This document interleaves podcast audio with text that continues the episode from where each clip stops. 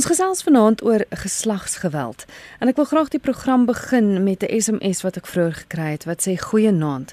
Ek wil net vir elke man en vrou wat in 'n abusive verhouding of huwelik is, sê om so gou as moontlik hulp te kry om daar uit te kom. Ek was gelukkig om lewendig uit so 'n huwelik te kom. Dit raak nie beter nie. Dis leebeloftes tot die volgende skop, klap of selfs messteek. My gas vanaand is Surika de Swart, sy is kliniese maatskaplike werker. En Surika, ons gesels juis hieroor omdat dit so 'n wrede werklikheid is. Goeienaand en baie welkom op die program. Goeienaand Kristel, goeienaand luisteraars. Kom ons begin gou by wat is geslagsgeweld? Ja, geslagsgeweld is dis gedrag wat bewuslik en doelbewus uitgevoer word om skade te doen aan aan die slagoffer of die teiken. En ek gaan nou net vir julle sê kom ek dan die teiken begin verwys in steede van net die slagoffer. Maar dit is ook gedrag wat gewoonlik nie teenoor iemand van dieselfde geslag ehm um, jy weet uitgeleef gaan word nie. En ek dink vir daai rede proporsioneel is vrouens waarskynlik die groter groep slagoffers of teikens. Ek dink ehm um, die statistiek op die stadium sê omtrent 21 vroue 'n dag sterf aan die hand van van 'n uh, lewensmaat. Ehm um, of sodra sodra hulle dan nou gaan, is daar 70% van hulle wat wat sterf selfs nadat hulle gegaan het. Um, en in die verhouding verlaat het. So dit is 'n regtig 'n belangrike gesprek op vanaand te hê. Maar ek wil sê dat mans ook slagoffers kan wees. En dat dit iets is wat ons ook 'n baie oop gesprek moet oor hê. Mm. Ja, so vanaand asseblief as as daar nou heeltyd na sy verwys word, ons is bewus van die feit dat dit net soveel op mans van toepassing is. Vinnig net gou, wat is die verskil tussen geslagsgeweld en gesinsgeweld? Is daar 'n verskil? Dit dis dit is eintlik wetlik gesproke gaan dit maar daaroor dat geslagsgeweld is 'n vorm van gesinsgeweld. So jy baie maal dan nou 'n man en 'n vrou in 'n huis en tussen hulle intergeslaglik is daar is daar verskillende forme van geweld. Daar's drie tipes geweld. Maar maar wanneer die enige daar ander persone by is en 'n woning deel, kinders, bejaardes, gestremdes, enige ander weerlose persoon, dan begin 'n mens dit gesinsgeweld noem. Dit dit dit gaan dan oor persone wat saam woon in een huis. Terwyl jy kan dalk ehm um, nie saam met jou jou ehm um, nie 'n lewensmaat woon nie. Ehm um, en daardie persoon kan homself passeer op jou toegang tot jou blyplek probeer kry jou agtervolg 'n tipe van goeder en dit sou dan geslagsgeweld wees. So dit is maar die verskil. Nou goed, kom ons kyk gou na tipes geweldpleging teenoor so 'n persoon want jy het nou, jy het nou genoem soos die agtervolging en interessant genoeg aan die begin het jy gesê tot 70% van mense sterf na hulle weg is. Maar vertel gou vir my die verskillende ja. tipes net om 'n prentjie te skep van wat gebeur met so 'n persoon. Ja, Ek dink ek dink dit is die drie groot hoofopskrifte wat ek sê. Die eerste is is, is fisiese geweld. Dit is as die vrou of die man 'n slagoffer van mishandeling is wat onder al ses spore op jou lyf los. Dis nou as jy geskop en geslaan en gebyt en gebrand word en of as daar wapens teen jou gebruik word. So dit is die eerste soort geslagsgeweld. En dan die tweede een is sielkundige geslagsgeweld. En dit is 'n baie moeilike een om te bewys. Terwyl fisiese en seksuele geweld makliker is om te bewys. Ehm um, nou sielkundige geslagsgeweld is die tweede een en dis daai konstante beledigings, aanvalle, vernederings, dreigemente en ek wil sê isolasie deur iemand te probeer beheer of selfs ekonomies. Ons praat van ekonomiese geweld, dit gaan oor ekonomiese weerhouding, weerhouding van hulpbronne eintlik. Mm -hmm. En uh, ek wil net baie spesifiek noem dat tegnologiese geweld is regtig iets aan aan teen neem en dit sal val onder sielkundige geslagsgeweld. Wat is wat is dit? Gee gou 'n voorbeeld daarvan, ekskuus. Ja, wel ek dink meeste mense se het, het reeds seker van trekkers op hulle motors. Nou as jou as jy jou vrou ehm um, kom sê net maar vrou, as jy as jy jou vrou wil dophou, dan is dit nou baie maklik want ons daar 'n trekker op die op die motor. Jy kan applikasies of toepassings op op selfone installeer om persone se boodskappe te onderskep dit letterlik so dat mense baie keer ehm um, vir vir 'n slagvoer moet sê om om 'n skelmfoon te kry sodat mens net kan kontak maak op 'n manier en hulp kan vir begin verleen. Want hulle word gemonitor kameras word in huise opgesit. Mense se beweging word letterlik so dopgeneem en getrek. Baie maal sal 'n vrou vir my sê as ons in 'n in 'n sessie sit, vrou of man, as ons in 'n sessie sit, my sê kyk daar bel hy nou. Ehm um, want ek is 10 minute laat. Ja. Ons is nou langer met die sessie besig. So dis dis tegnologiese geweld. Ehm um, natuurlik kry mens nou nog die cyberboelie ook, maar dit is dit dit val onder 'n ander kategorie. Hmm. En dan die derde een van die seksuele geweld wat enige vorm van dwang of dreigement gebruik word om iemand te forceer om enige vorm van seksuele teistering te verduur, die meeste. So ek wil dit kategories sê dat nee beteken nee al is jy getroud. Beteken nee, nee. Dit gaan oor dit sien ek vanaand kans, is ek vanaand ehm um, gereed vir vir 'n bietjie aksie in die kamer of is daar seker goed wat van my verwag word deur my maat dat ek nie meer gemaklik is nie. Want want dit is ook 'n belangrike iets wat mense moet in gedagte hou. Net twee mense moet uh, op dieselfde bladsy wees, anders kan dit baie maklik as as teistering of geweld of beleef word. Kyk, dis iets wat nog altyd deel van ons lewe is. Um, ek en Willem het vroeër ook daaroor gepraat. Alhoewel dit deel van ons lewe is, is dit iets waaroor daar nooit gepraat word nie. Hoekom dink jy? Hoekom is dit so groot wegsteek? Alhoewel ja, mm. hoekom hoekom is dit sodat mense voel ek ek kan dit nie vir die wêreld vertel nie. Ek mag dit nie vertel nie. Ek moet my merke wegsteek. Hoekom is dit so? Ja. Ek dink dit het baie te doen met die met die kenmerke van die slagoffer of die teiken en ek wil by hierdie geleentheid vir my sê kom ek begin wegbeweeg van die woord slagoffer na die woord teiken want ek dink ons moet dit begin noem wat dit is dit is 'n geweld wat gepleeg word teen 'n ander persoon. Eh dit dit is 'n kriminele oortreding. Jy weet as iemand te teiken. Ja, die persoon is 'n slagoffer, maar ek ek wil hê mense moet beweeg uit die uit die rol van slagoffer uit na die rol van die die survivor. Die een wat gaan uitreik en gaan hulp soek. So dis hoekom ek so klein bietjie wil begin wegbeweeg daarvan af, maar die, maar ongelukkig is dit die kenmerk van die slagoffer. Ons ons vind dat ehm um, hulle nie daaroor praat nie want hulle het baie maal 'n beperkte vorm van inkomste of geen inkomste genaamd nie. Uh, hulle gaan nie aan 'n blyplek hê nie. Baie maal word minderjarige kinders gebruik as 'n pion en sê as jy loop, moet jy net weet ek hou die kinders. Jy sal jou kinders nooit weer sien nie. Wat in in 99% van die tyd nie die geval is nie, maar mense weet nie altyd dat hulle regte is in sulke omstandighede nie. Hmm. En dan is daar die ander ding, kyk, jy steek jou beserings weg want dit raak dit raak nou half boonop die vernedering van die aanranding raak dit 'n vernedering om elke keer 'n storie te moet vertel. En mense mense sien maar hulle en hulle hoor maar hulle hoor en sien nie en hulle ondersteun hulle reik nie uit nie. So en dan so natuurlik die ander ding van baie maal het 'n mens al gesê, weet jy wat, ja, dit kom net hier rof by die huis. Dit en dit en dit is wat gebeur. En dan is jy nie gehoor nie en wanneer jy dan terug gaan huis toe, na die gewelddenaar toe dan neem daai geweld toe. So, ons sien ook 'n voorbeeld dat 'n vrou sal 'n klag lê oor 'n naweek. Naweek is is prioriteit wat dit die slegste gaan en dit het baie te doen met die feit dat mense nie by die werk is nie en alkohol gebruik um, en ander tipe van middels. So 'n klag word gelê en dan maandag word daai klag teruggetrek want die vrou is bang en daar dalk nie meer genoeg bewyse nie of hmm. het die man net al gedreig of wat dit nou al die geval is. So dan is dit dit begin lyk like asof hulle nie die geweld wil stop nie. Dit is glad nie dit nie. Dit het baie te doen met 'n trauma band wat ontwikkel en vrees. Ja. Ongelooflike vrees. Is daar nog kenmerke as mens kyk na die teiken? Ja, dit dis die ding wat ek vir elke teiken daar buite wil sê. Vir elke slagoffer van so 'n gewelddadige verhouding is Hierdie gebeur nie met jou omdat daar foute is met jou nie. Hierdie gebeur met jou omdat jy een van 'n paar eienskappe het wat pragtige eienskappe is, maar die gewelddenaar gebruik dit as 'n wapen teen jou. So, so dit word 'n persoon is wat diep empaties is. Met ander woorde, jy probeer regtig indink. Jy weet ag skyn die persoon wat my nou so mishandel het eintlik so swaar gekry as 'n kind. So ek verstaan, ek het begrip. Ek probeer net in sy skoene sit. So, dis die empatiese persoon wat baie maal ehm uh, blootgestel word daaraan.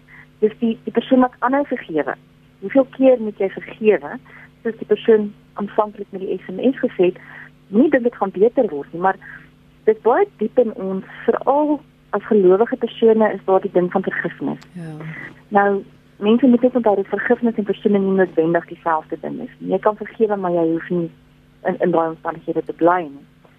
En dan is daar ons ons praat altyd van in Engels van die rescuers. Mense wat ander mense wil red. Jy jy wil jy wil iemand wat seer gekry het in lewe wil jy help en bystaan en dis baie maar wat jy dan beland in 'n verhouding met iemand wat middelsmisbruik of ernstige psigiatriese probleme het of en en jou intensie is om te help en te versorg en lief te hê.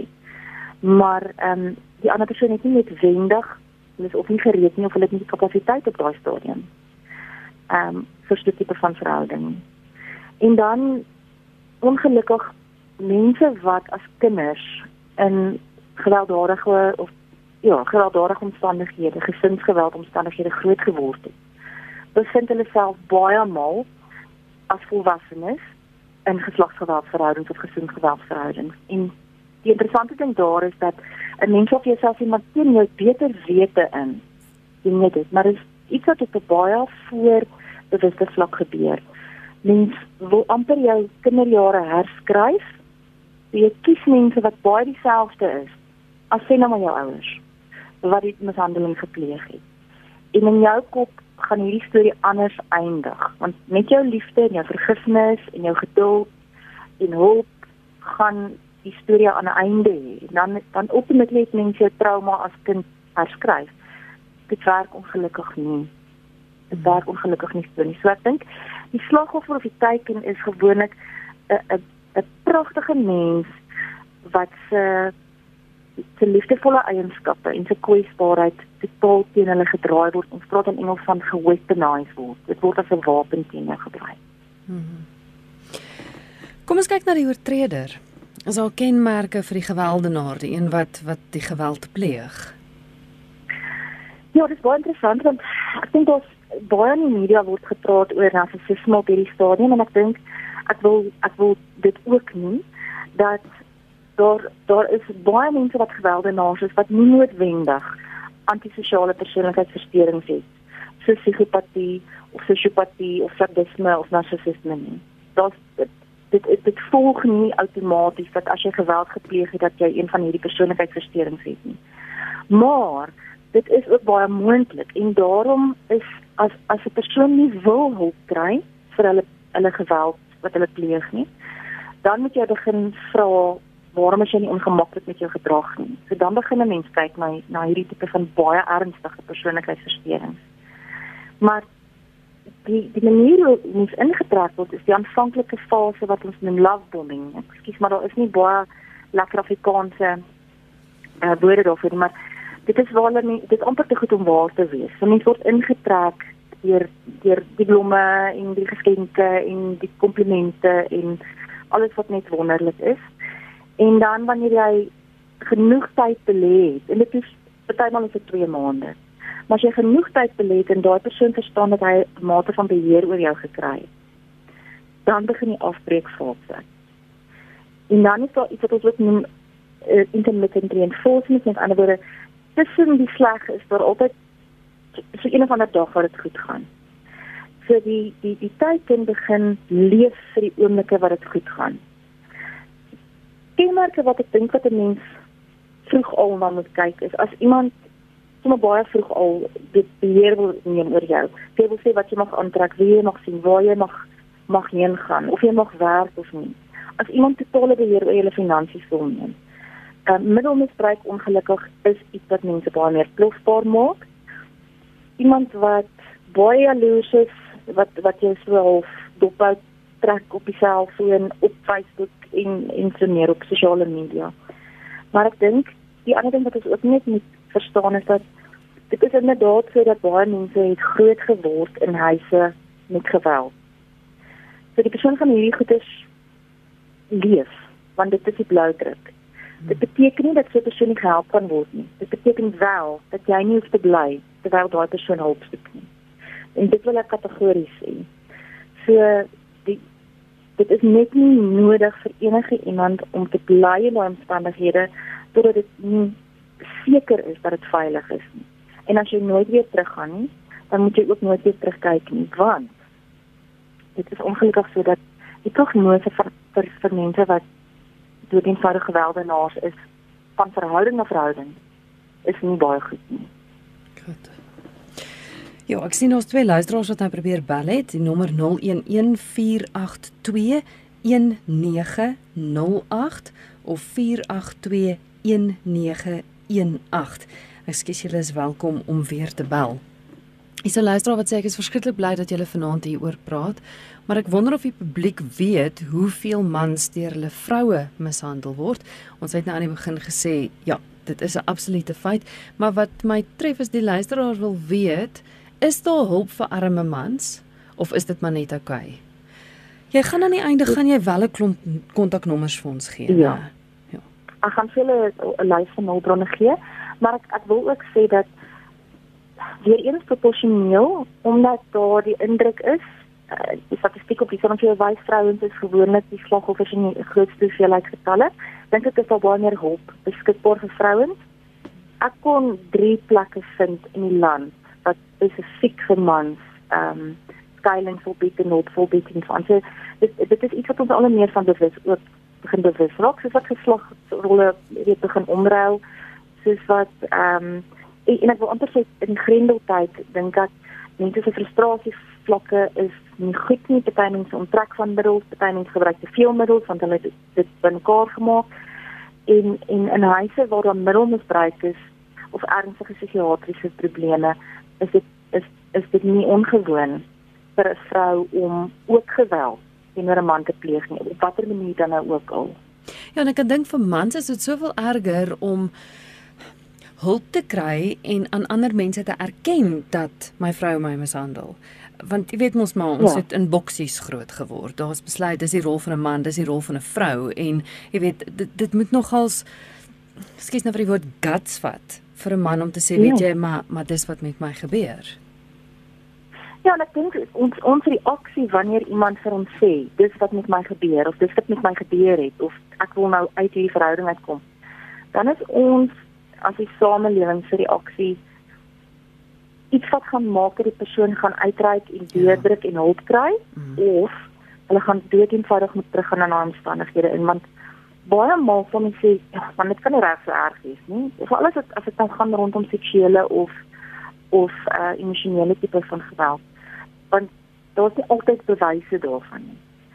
Ehm um, en dan is dit baie maklik vir 'n persoon sê as jy seker is regtig so erg, jy weet waar gaan jy nou heen gaan? En in verskillende kulture is dit ook net dat jy bed gemaak jy slaap op hom. Dis dan maar net hoe dit is. Jy jy jy praat dan nie eers met die familie daaroor nie. So dis regtig ehm um, vir mans vrouens om slagoffer of die teken van 'n gewelddaad te wees is kategories traumaties.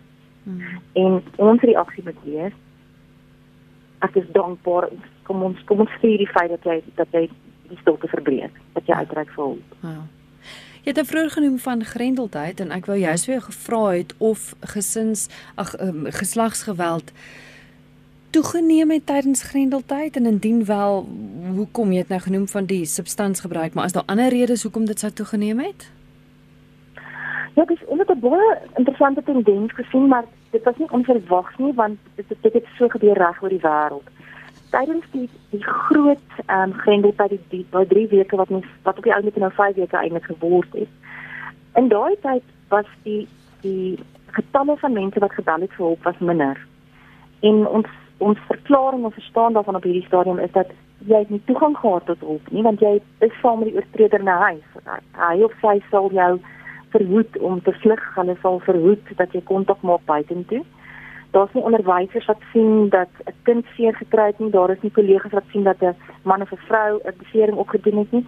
So in daai aanvanklike grendeltyd het ons het ons ons ons, ons dink nie dat was minder geweld nie. Ons dink net mense het nie die vermoë gehad om te vlug nie hmm. of dit aan te meld nie. En oral was daar natuurlik ook skeleton personeel. So die, die stelsel was oorweldig die oomblik toe die, die grendeltyd fase 5 verby is. Dis stroom die aanmeldings in. Soveel sodat die plekke nie meer mense kon akkommodeer nie. So dit het regtig dat die grendeltyd het dit toegeneem En as as ons nou nie oproepe sal deurkom nie, dan kan dit dalk nog eens sê goed daar sê maar ek wil nie ons met die oproepe verloor nie. Nee, jy is nie nou oproepe nie, so jy kan aangaan. Okay. Jy gaan en vir my vinnig in die rede vra. Ek sal ja. Ek dink ek dink daar 'n paar goed wat ons in gedagte moet hou is die die feit dat ehm um, op die stadium is is almal onder tipe van 'n 'n trauma respons, 'n stres respons. Die meeste van ons is in elk geval in 'n bietjie van 'n veg en vlug. Party mense vrees en stry slop en wat ook al, maar veg en vlug is is is daai twee goeders. Nou 'n grendeltyd maak dit jy nie kan vlug nie. Jy is nou in 'n huis saam met mense, jy het dalk isolasie van 'n persoon in die in die huis.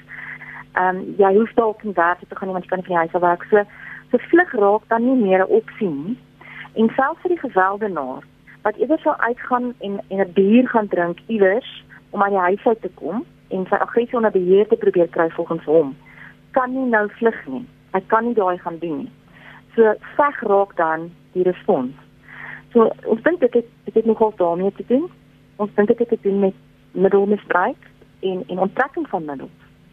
En daar is 'n groot probleem want daar's mense wat dood eenvoudig net moes begin onttrek van middels wat hulle gebruik het want dit was net nie meer beskikbaar nie. En ander het dit weer so bymekaar gemaak dat hulle massas gebruik het daarvan. So dit het dis altyd 'n gevaar teken vir mense as dit misbruik word. En dan ekonomiese stres. Hmm. Om nie te weet of daar kos gaan wees of werk gaan wees of geld gaan wees nie. Dit dit dryf mense wat normaalweg nie sou gewelddadig wees nie na hoër vlakke van agitasie toe. En sit dan nou net 'n middel daarbey by. Dis alkohol. Uh en en die ander persoon in die huis is ook geïrriteerd. Dan kan so iets gebeur. Goed. Jy's ingeskakel op RSG. Jy luister na Geestesgesondheid. My gas vanaand is Sorika de Swart. Sy's 'n kliniese maatskaplike werker en ons gesels oor geslagsgeweld. Het vroeër 'n SMS deurgekom van 'n luisteraar wat sê ek was ook in 'n huwelik waar ek emosioneel en finansiëel mishandel is. Ek sien deesdae word uh daai deel van mishandeling op die agtergrond geskuif en um dit was eintlik nog nooit deel van die gesprek nie. Almal praat net van die fisiese geweld, maar ek dink daar is baie meer emosionele mishandeling. Ek het vroeër in die begin tog gesê dat dit word tog nou erken as as 'n tipe mishandeling. Voel jy daar is meer klem daarop? Die, die rede waarom daar moontlik meer klem dit kan lyk of daar meer klem is, is omdat dit iets is wat bewys kan word of nie. Goed. So sulke goeders land byvoorbeeld in die, in die, in die koerante en dit land byvoorbeeld in die howe en daar's beskermingsbevel wat uitgereik word en so aan terwyl die ekonomiese mishandeling, wie die weerhouding van fondse byvoorbeeld gaan waarskynlik opeindig in die onderhoudshof of ehm um, mens kan heel waarskynlik 'n uh, beskermingsbevel kry wanneer dit gaan oor emosionele mishandeling. Maar die bewys daarvan, vir al die emosionele sielkundige um, mishandeling is baie moeiliker. Maar ek dink terapeute, dokters, predikante ehm um, raak almal baie beter om dit om dit te kan identifiseer. En ek dink die die die sosiale media en nie dan nie algemeen gee vir mense op die parne taal waarmee hulle kan sê wat dit is wat met hulle gebeur. Dit word as gaslighting en narcissisme en emosionele afpersing en daai tipe goeie is nie goed wat voorheen eintlik jy weet kap nou maar daarmee. Ek dink ons begin nou besef dat daai los wonde wat eeue vat om te herstel. Net oor 'n week is die ander wond gesond, maar daai tipe van wonde ehm um, wat regtig vir mense baie lank. Ja, ek kom nou 'n SMS deur. Ehm um, ek hoop die kinders slaap nou al, maar dit is dis baie belangrik dat ek dit moet lees. Uh dit sê ek was seksueel vasgebind en seks is afgedwing. Ek was geforseer om anale seks te hê. Ek was emosioneel geïsoleer en afgekraak. Ek is hof toe. Niemand glo jou nie. Jy vertel jou storie aan gemiddeld 5 persone voor jy 'n klag kan lê. Dan die hofsaak. Prokureurs is betrokke wat net geld najag. Geen reg en geregtigheid nie. Dis anoniem wat dit stuur. En anoniem sê bly eerder stil want jy as vrou word uh behandel soos die oortreder. So dis 'n aanklag nogal teenoor die stelsel in in ja. totaliteit, nee. Ja. En en ek moet sê dit is hartverskeurende. Maar die stelsel laat mense in die steek. En ek het my kan van 'n klomp goed beskryf. Wat ek wel wil sê is moenie stil bly nie. Hou aan praat. Al moet jy 5 keer jou storie vertel. Ehm um, dit dit ongelukkig sodat jy weet afhangende van wie betrokke is en wat tipe van mishandeling dit is, is daar prosesse wat gevolg moet word. Ehm um, jy dan moet besluite geneem word moet die moet die oortreder verwyder word of moet die slagoffer verwyder word want onthou ek het net nou gesê dat wanneer jy gaan is die die oortreder of die gewelddenaar het in elk geval nie vaardighede om te cope nie. Nou verloor hulle beheer oor jou as slagoffer of teiken. En verwerping kan ook obsessie veroorsaak. So dit is regtig so dat dit gevaarlik is om net dood eenvoudig jou goed te vat en te loop. So dis dis my belangrik dat ons tyd spandeer vanaand aan die regte manier om hulp te te vra en te kry en en jou veiligheidsplan in plek te sit. Want anders is dit regtig so dat mense sit sonder bewyse en jy sit sonder ehm um, mense wat jy kan ondersteun. En dan is dit regtig ongelooflik moeilik om weg te breek. Ja, en dis waar wat jy sê, die belangrikste is moet net nie stil bly nie. Ek ek wil so graag hê jy moet hoop gee, want dis die doel van die program. Ja. Iemand luister nou vanaand en besef, goed. Ek ja. reken die persoon weet al lankal, ek is in die situasie, ek erken myself, ek moet wegkom. Soos die persoon heel aan die ja. begin ja. ook gesê het, maak net dat jy wegkom. Hoe? Ja. Okay. So kom ek kom ek sê net eers so daar is hoop en daar is hulp. Dit gaan net dit gaan net vir my daaroor dat mens op die regte plek moet begin soek vir hulp.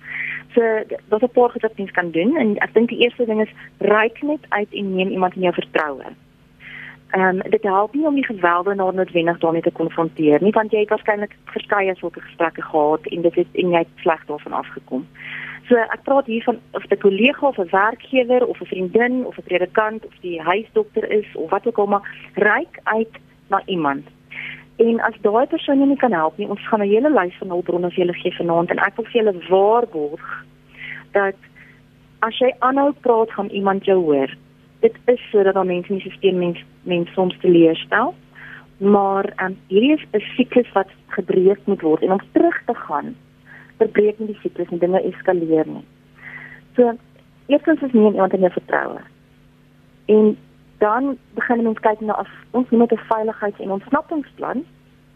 En ek ek wil nie mense bang maak om weg te breek nie. Ek wil vir jou sê die ergste gedeelte is verby. As jy die dag sê hier is ek ek vra vir hulp want want daar is baie hulp. So ons kan vir mense help letterlik om in detail 'n veiligheids- en 'n praat van 'n safety and exit strategy, 'n veiligheid en ontsnappingsplan by mekaar te sit. En ek gaan vir julle 'n paar goed sê. Jy moet weet mens jy sou opsit is, maar anders gaan ek vir julle sê wat is die tipe goed wat in so 'n plan inkom. Ehm um, en dan natuurlik daar daar's al meer bewustheid daarvan.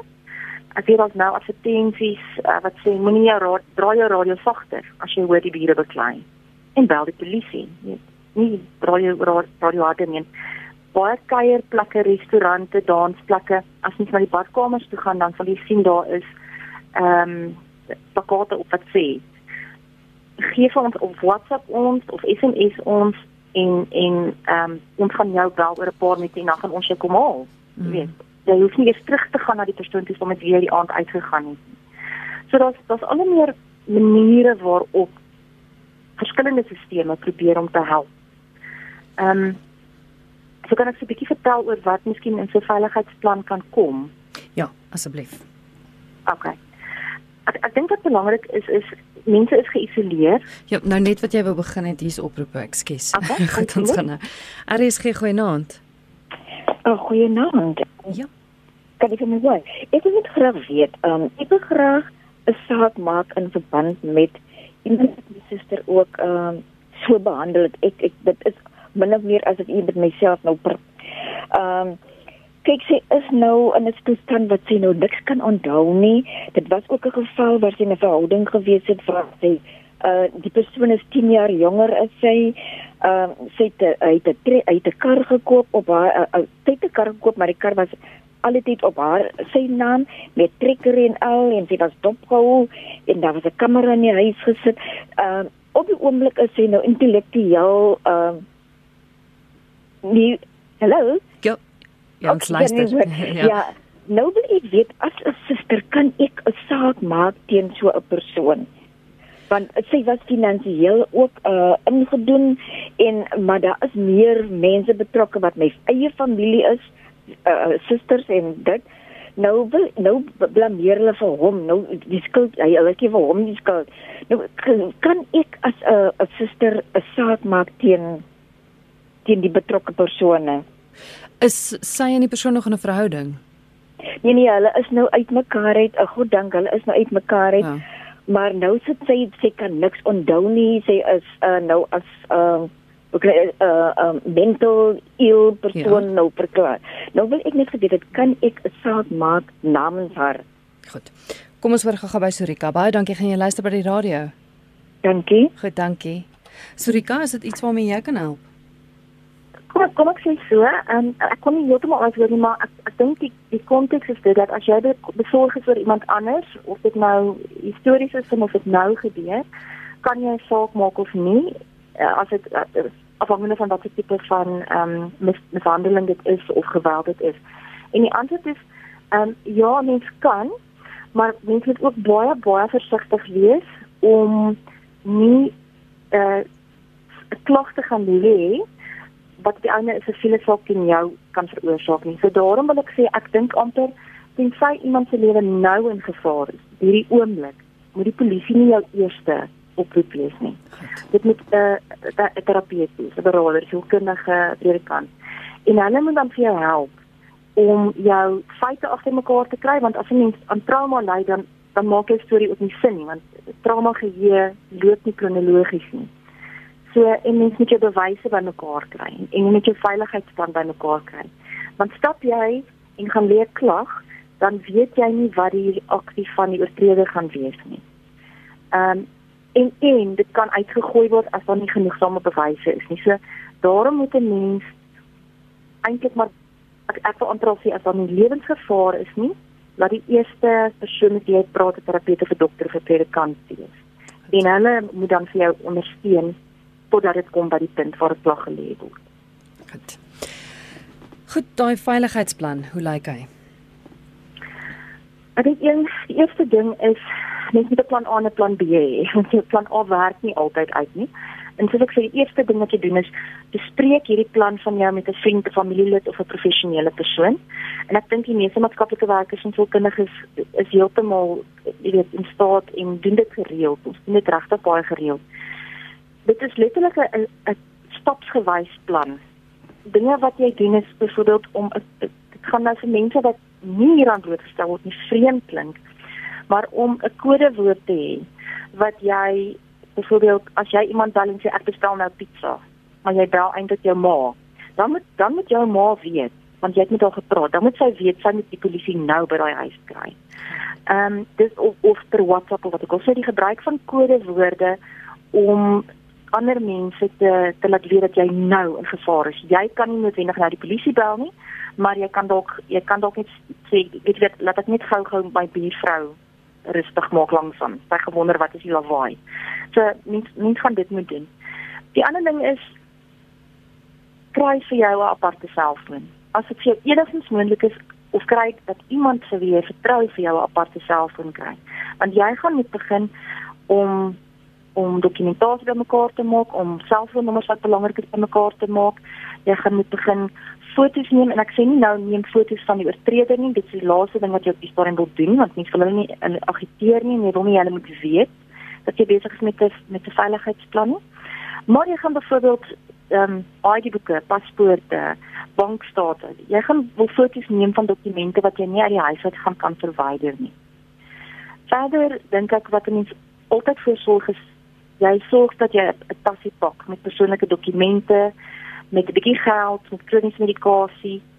en ehm um, en daai tas word dan weggesteek by iemand wat jy vertrou. So jy gaan iemand in jou vertroue moet neem.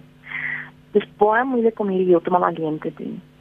Want die dag wat jy besluit om te gaan, dan moet die die ondersteuningssisteem en ek wil vir die hulpbronne beskikbaar wees. Dan dan moet die plan reeds in plek wees. Goed. Jy, jy gaan nie weer toegang kry tot die huis as jy nou die kinders vat en daar gaan jy nie. Ja. En dan begin jy sukkel met dokumente in die hande te kry of geld in die hande te kry of klere vir die kinders te kry of so. Dan moet jy 'n bietjie voor die tyd, maar dit is iets wat jy ongelukkig gaan moet doen met ondersteuning en in die geheim. Mm. Ek gaan nou ehm um, gou-gou verder vra. Daar's nog so een of twee vrae waaroor ek wonder, maar is nou net 'n paar SMS'e wat deurgekom het. Uh een wat sê ek as 34-jarige vrou was altyd rustig en geduldig.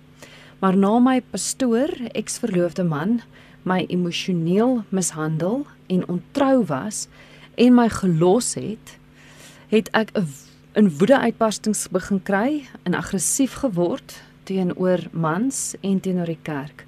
Ek is nou uh heeltemal alleen in geen verhouding nie en ek het ook nie 'n kerk nie. Mm. Dis dis baie hartseer maar wat ook vir my baie dapper is om te kan hand opsit en sê hierdie is gedrag van my mm. wat ek miskien aan moet werk, maar onthou hierdie gedrag van my kom van iewers af en dit kom van trauma af. Ek wil vir die persoon sê kom asseblief by 'n terapeut uit. En as as die eerste een nie iemand is wat jy jy, jy voel hulle hoor jou nie, dan kry jy vir jou 'n tweede een. Maar hou aan praat tot iemand jou hoor want ongelukkig is is dit sodat 'n mens pas aan binne 'n disfunksionele verhouding om om te oorleef. En dit beteken dat jy self ook soms disfunksionele gedrag aanleer. Dit is om te oorleef jy het nie later meer daai gedrag nodig nie want jy's nie meer in daai omstandighede nie maar nou die gedrag 'n gewoonte geword of 'n patroon in jou brein.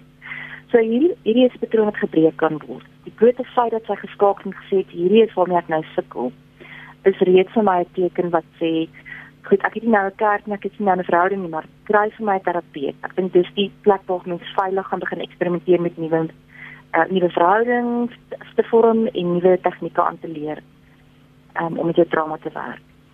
Ja, luister na geestesgesondheid. Ons uh, gesels oor geslagsgeweld. My gas is kliniese maatskaplike werker Sorika de Swart. Sorika, hier's 'n luisteraar wat sê kan 'n geweldenaar, byvoorbeeld 'n man wat sy vrou mishandel, gerehabiliteer word? Ek wil nooit kategories nee sê nie, want ehm um, ek dink wonderwerke gebeur as mense vir baie lank tye in terapie gaan dan um, is daar sekerlik 'n kans. Maar ek ek wil regtig sê moenie sit en wag vir dit om te gebeur nie. Ehm um, want dan sit jy eintlik by 'n busstop en wag vir 'n vliegtuig om te kom. As daai persoon wil gerehabiliteer word, moet hy dit op sy eie tyd in sy eie huis met sy eie terapeut doen. Uh, jy kan nie jou lewe in gevaar stel nie. Die tendens is dat dit eskaleer. Sonder hulp sal dit eskaleer. Met hulp kan 'n mens waarskynlik soms het iemand medikasie nodig. Soms is daar 'n 'n 'n neurologiese probleem wat onder beheer gedrink kan word met medikasie wat eintlik lei tot woede uitbarstings. Soms is dit die, gebruik van 'n 'n middel wat lei tot tot aggressie. Daai is goeie waarmee mens alles kan werk. So daarom wil ek ook weer sê voordat mens 'n groot besluit neem, as jy voel jy is nog nie gereed om te gaan nie en jy wonder, kan sien 'n professionele persoon skets hulle die hele prentjie sodat mense 'n idee kan kry van waarmee jy werk. Hier's nog 'n luisteraar wat sê ek was 12 jaar lank in 'n huwelik waar ek emosioneel en fisies mishandel is. Ehm um, mense het vir my gevra hoekom 12 jaar? Ek het sake gemaak wat elke keer verdwyn het. Hy was 'n verkeersbeampte, groot pelle met die polisie. Ek was magteloos. Ek het myself begin sny myself gebrand sodat ek net kon voel of ek iets voel. Vandag is ek 'n baie gelukkige vrou. Uh hy het my ook uh weggehou van my kinders en my ma. Maar ek is sterker vandag. Ek het weggebreek. Ek het 'n wonderlike vriendin gehad wat my bygestaan het. Sy's nog steeds my vriendin. Sy's deel van my lewe. Sy's my sussie wat Jesus oor my pad gestuur het Vrouens asseblief breek weg. Jy kan maak Jesus deel van jou lewe. Vroue asseblief tree op en breek weg. Jy het ook 'n reg. Dis Engela wat die boodskap stuur. Of wat ek Ek dink dit is wonderlik, ja. Ja, nee. Kan ek kan ek vinnig net ietsie sê? Asseblief, ja. Gesel. Ek het op my Facebook uh, bladsy, het ek 'n webinar gaan sit wat ons twee weke gelede gedoen het. So daar is 'n pastoor wat praat, daar is 'n uh ehm um, aktiewes maatskaplike werkers, spesialist maatskaplike werkers wat praat. Al die bronne wat jy nodig het is daar. Dit verduidelik vir jou die dinamika, dit verduidelik vir jou hoe om uit te reik. Die meeste van ons het darmselfone. Ek, ek gaan kyk of jy daai webinar kan vind of enige van die hulpnommers wat ons vanaand kan ehm um, vir julle gaan gee. En dan is dan is ek ons ook 'n uh, hooggeregshof ehm um, as 'n judge help en ek gaan asseblief reg. Ehm um, regter gehad wat vir ons presies stap vir stap baie eenvoudig uitgestel het wat jou regte is, wat jy kan doen, waarom die slagoffer die, of die teiken soms moet vlug en waarom die oortreder soms onmiddellik verwyder kan word want ek dink daar's ook goeders wat 'n mens weer mekaar maak. Hoekom moet jy verongerief word as jy dan nou eintlik die slagoffer is? Maar dit gaan soms oor veiligheid en en bewyslewering. So ek wil regtig vir mense sê daar's inligting daar buite wat gedetailleerd is. Jy kan self as jy gaan uh, soek vir vir 'n ontsnappingsplan of waarskynlik in, in Engels gaan jy 'n safety exit plan, dan is daar baie voorbeelde daarvan. Daar's regtig baie hulp buite. Ek wonder nou net, Surika, is nou iemand wat sê dis so jammer want hulle dink baie van die mense wat die program moet hoor, luister nie nou daarna nie. As iemand so hou vas op 'n persoon het, sal die persoon toelaat dat iemand na die program luister? Heel waarskynlik nie. Heel waarskynlik nie. En dis hoekom ek vir jou sê, um 'n mens gaan op 'n stadium iemand in jou vertroue moet neem. Want wat gebeur is hoe langer jy geïsoleer is van almal anders, hoor jy net die geweld in ons stem. Dis die enigste terugvoer wat jy kry. En jy gaan actually later begin dink, miskien verdien ek dit. Dit is my skuld. Ek het dit veroorsaak. Hy hy het vyf gedrink en ek moes nie gekarring het nie. So is dit die geweld is my skuld. Maar wanneer 'n mens begin praat met al is dit een ander persoon, dan kry jy 'n ander opinie en jy kry ander terugvoer en mense maak planne om jou te help. Al kry hulle dan nou net vir jou by Tutela of by Lifeline of by enige van hierdie plekke wat ons vanaand vir julle gaan gee. Ehm um, ek het regtig al dat vrouens my sê ek kan jou net kom sien op 'n Saterdagoggend 9uur. Dis die enigste tyd wat my man my nie kan trek nie want ek kan nie onthou wat die situasie was nie. Hy moes afgaan in 'n mynskag of wat ek al dan het hy so so dat hmm. soms regtig moet 'n mens ook uit jou pad uit gaan as terapeut en ek wil dit ook vir mense sê. As iemand die stilte verbreek, asseblief luister. Asseblief glo hulle. Ja, want die heilige grond as iemand hulle storie hmm. vertel. Hmm. Want ek kom nou 'n SMS van anoniem deur wat sê ek wil met julle verskil. Dit help nie om te praat nie, want niemand luister nie. Iemand wat ek ken, het gevlug en by vriende gaan skuil en toe vertel die vriende vir die man. Toe kom haal hy haar. Met wie praat jy? Hoe praat jy? So vra anoniem. Ja. So ek wil uit uitnooi om my te bel môre persoonlik. Ehm um, of of die e-pos. Die die dilemma wat mense soms het is dat hulle regtig nie eers dit gedoen kan kry nie. Hmm. Ehm um, maar ek ek ek wil weer sê, hou aan praat sodat iemand jou hoor. Want die alternatief is baie erger. Om te bly is baie erger. Kies versigtig met wie jy praat. Nee, dit help nie jy jy as as as dit 'n persoon is wat byvoorbeeld 'n narcissus is van met wie hy bly of 'n antipersoonlikheids antisosiale persoonlikheidsversteuring het, dan gaan hy almal van jou isoleer en hy gaan ons noem dit transfilasie, hy gaan hy gaan seker maak dat mense vir hom inligting gee. Jy praat nie met hulle dan nie. Dan praat jy met 'n professionele persoon. En ons sê dit vir kinders ook. Hou aan om jou storie te vertel totdat iemand jou hoor en glo. Iewers gaan daar iemand wees ek hoop regtig dis die eerste keer wat jy praat. Ehm um, daar's baie goeie terapeute daar buite, daar's fantastiese organisasies daar buite. Ek hoop van harte dat wanneer jy praat, die stelsel jou nie in die steek laat nie. maar reik asseblief uit. Ja, maar dit is ook so dat sekere instansies in die stelsel word nie vertrou nie. Mens weet nie of jy hulle kan ja. vertrou nie. Wanneer gaan mens polisie toe? Hoe weet mens ek, ek weet vroeër het 'n luisteraar ook gesê jy moet jou storie hoeveel keer aan iemand vertel. Ja. Dit is nie 'n vriendelike stelsel nie. Is daar tye wanneer jy polisie toe moet gaan? Dis hoekom ek al sê as jou lewe nie nou onmiddellik in gevaar Goed. is nie, sal ek by 'n terapeut begin. Goed. Want die polisie traumaties en ek is jammer dat ons ook baie baie fantastiese ehm um, offisiere daar buite, maar die deursnit polisie man verstaan onder andere of of, of polisie vrou vir dit net verstaan nie noodwendig die dinamika van ek kom lê klag en dan trek ek dit weer maandag terug nie. So hulle is ook nou eintlik al moedeloos. Of hulle hulle volg weet hulle volg hierdie goeders op en hulle doen hulle werk en dan word dit uitgegooi deur die hof. So so daai stelsel het ook al baie maal moed verloor wanneer 'n mens by hulle kom, dink ek is dit belangrik dat jy goeie inligting het en dat jy ondersteuning het. Anders kan dit voel soos 'n 'n hertraumatisering. Dit is ongelukkig die realiteit op hierdie stadium en ek dink opleiding ehm um, in hierdie tipe van ding is verskriklik belangrik vir die die polisie diens in Suid-Afrika. Voor die tyd ons inhaal asseblief. Gee vir ons plekke wat gebel kan word, nommers waar kan mense aanklop vir hulp? OK. Ek gaan die ek dink die mees prominentste daar's 'n vroue mishandelingshulplyn. Die nommer daar is 0800 150 150. Goed. En dan gaan ek die tele waar ek werk se nommer gee. Jy kan ons skakel op 011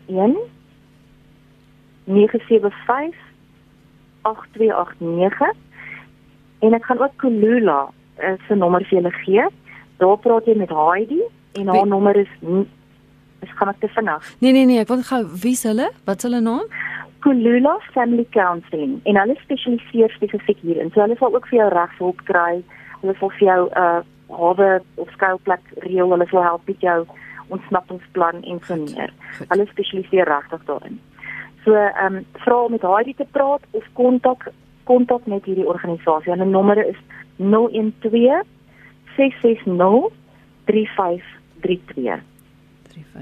Ek dink daar's hier daar's 'n klomp ander bronne daar buite, maar skryf hierdie drie nommers neer en bære dit iewers want jy gaan dit dalk vir iemand moet gee. Goed, kom ek herhaal net gou-gou. Die eerste nommer wat jy gegee het is die vroue hulplyn, dis 0800 150 150. Ja. Dan Tutela waar jy werk is 011 975 8289 en dan die Heidi? Jy het gesê Kuluma Kuluma want ek hoor heeltyd Kulula soos die vliegtyg maar dis Kuluma Kuluma Goed ekskuus. Ek dink net kom ek spel dit net vir julle dis want uh, mense gaan dit dalk wil ja. Google. Uh, K H ja. U L U N vir moeder A. Kuluma Goed Kuluma Goed, goed. En hulle is by 012 660 3532. Ja. En ons moet dit asof hierdie nommers alles nou half hier in Gauteng omgewing is. Ons gaan weet waarna ons jou kan verwys as jy iewers in die Kaap is of jy is in Natal. Ons wil weet wat die organisasies is wat jou waarna ons kan uitreik. Ek dink die belangrikste ding is net ja, men, asseblief moet net nie ophou nie. Ek weet mense voel altyd jy het een iemand gekontak, daai persoon het jou in die steek gelaat of jy kom nie oor die weg met die persoon nie. Ek sê altyd dis soos dis soos antidepressante. As jy nou op 'n antidepressant moet gaan, die eerste een wat jy kry, gaan nie noodwendig met jou akkodeer nie. So jy gaan 'n volgende ja. een moet probeer. En ek dink dis dieselfde met vind iemand by wie jy aanklank vind wat jou kan help. Moenie ophou nie. Ek dink dis vir my die belangrikste van vanaand is moenie ophou praat daaroor nie. Ja. Ja. Maar nou weer eens, soos jy gesê het, ook wees versigtig met wie jy praat daaroor want kyk nou net die een luisteraar het mense in haar vertroue geneem en dit het nie goed uitgewerk nie. Ek wil ja. gou 'n laaste vraag vra. Iemand wat sê weet die oortreder altyd dat hy 'n mishandelaar is? of is daar ehm um, instansies waar hy nie bewus is daarvan nie? Hulle is altyd bewus daarvan dat dit wat hulle doen skade doen aan iemand anders. Daar's 'n pro proporsie van hulle wat nie omgee nie. Goed. En met hulle kan ons nie eers werk nie. En dan is daar 'n proporsie wat eintlik baie getraumatiseer is self en hierdie is is, is 'n bloudruk wat hulle weet gedrag wat hulle net weer uitspeel en met hulle kan ons werk. Ehm um, as hulle bereid is. Hulle self soms dan ook om te sê hier is ek ek se geweldenaar ek se hulp. So ek dink dis die ander ding wat ons moet onthou. Wanneer iemand kom en sê, "Dit is so ek verloor dit heeltemal. Ek het hulp nodig." Dit sê vir mense iets oor ehm um, die werkbaarheid, die prognose. Hmm. Hier... Maar maar sê dit moet wil. Okay, as as jy net sien om iemand in terapie te kry, pak jou geheime tassie en en moenie terugkyk nie. Ja. Regtig. Ja. Is nog iemand wat gesê het uh nommers in die Kaap, maar Sorika het nou gesê jy kan hierdie nommers skakel en hulle sal julle verwys na mense in die Kaap toe. En dan nog iemand anders wat sê ek was in so 'n verhouding vir baie jare. Die slagoffers is dikwels so afgebreek en moet eers sterk gemaak word deur byvoorbeeld 'n terapeut voordat hulle ja. gaan kan kans sien om weg te breek. En ek dink ja, dit is belangrik soos jy sê want jy jy moet om dit te doen. Jy moet nodig om dit te doen. Ja. Ja. So Rika baie dankie. Baie baie dankie vir die wonderlike raad wat jy gegee het. Ehm um, ja, en vir die wonderlike werk wat jy doen. Ek hoop jy het 'n wonderlike week verder. Ons hoop net veiligheid vir almal buite en asseblief mense hou aan praat. Baie dankie vir die geleentheid Kristel. Dankie Sorika. Dis die kliniese maatskaplike werker Sorika de Swart met wie ek gesels het. Ons het vanaand gesels oor geslagsgeweld. As jy self in die situasie is en jy kon luister vanaand, Hier's die drie nommers wat jy kan skakel. Ek gaan dit herhaal. Ek hoop jy kan dit neerskryf. Andersins die program is beskikbaar as potgooi. As jy van iemand weet wat in so 'n situasie is, asseblief stuur die program aan. Asseblief stuur die nommers aan. Net dat wie ook al in so 'n situasie is kan besef daar is hulp. En daar is mense wat wil help. Die eerste, tweede of derde persoon gaan jou dalk nie kan help of wil help nie, maar daar gaan iemand wees wat jou wil help. Die eerste nommer is die hulplyn vir vroue, dis 0800 150 150. Sorika se nommer is 011 975 8289 en dan Kuluma is 012 660 35 32. Asseblief, as jy weer die nommer soek, as jy dit nie gou genoeg kon neerskryf, asseblief kontak my Christel by rsg.co.za.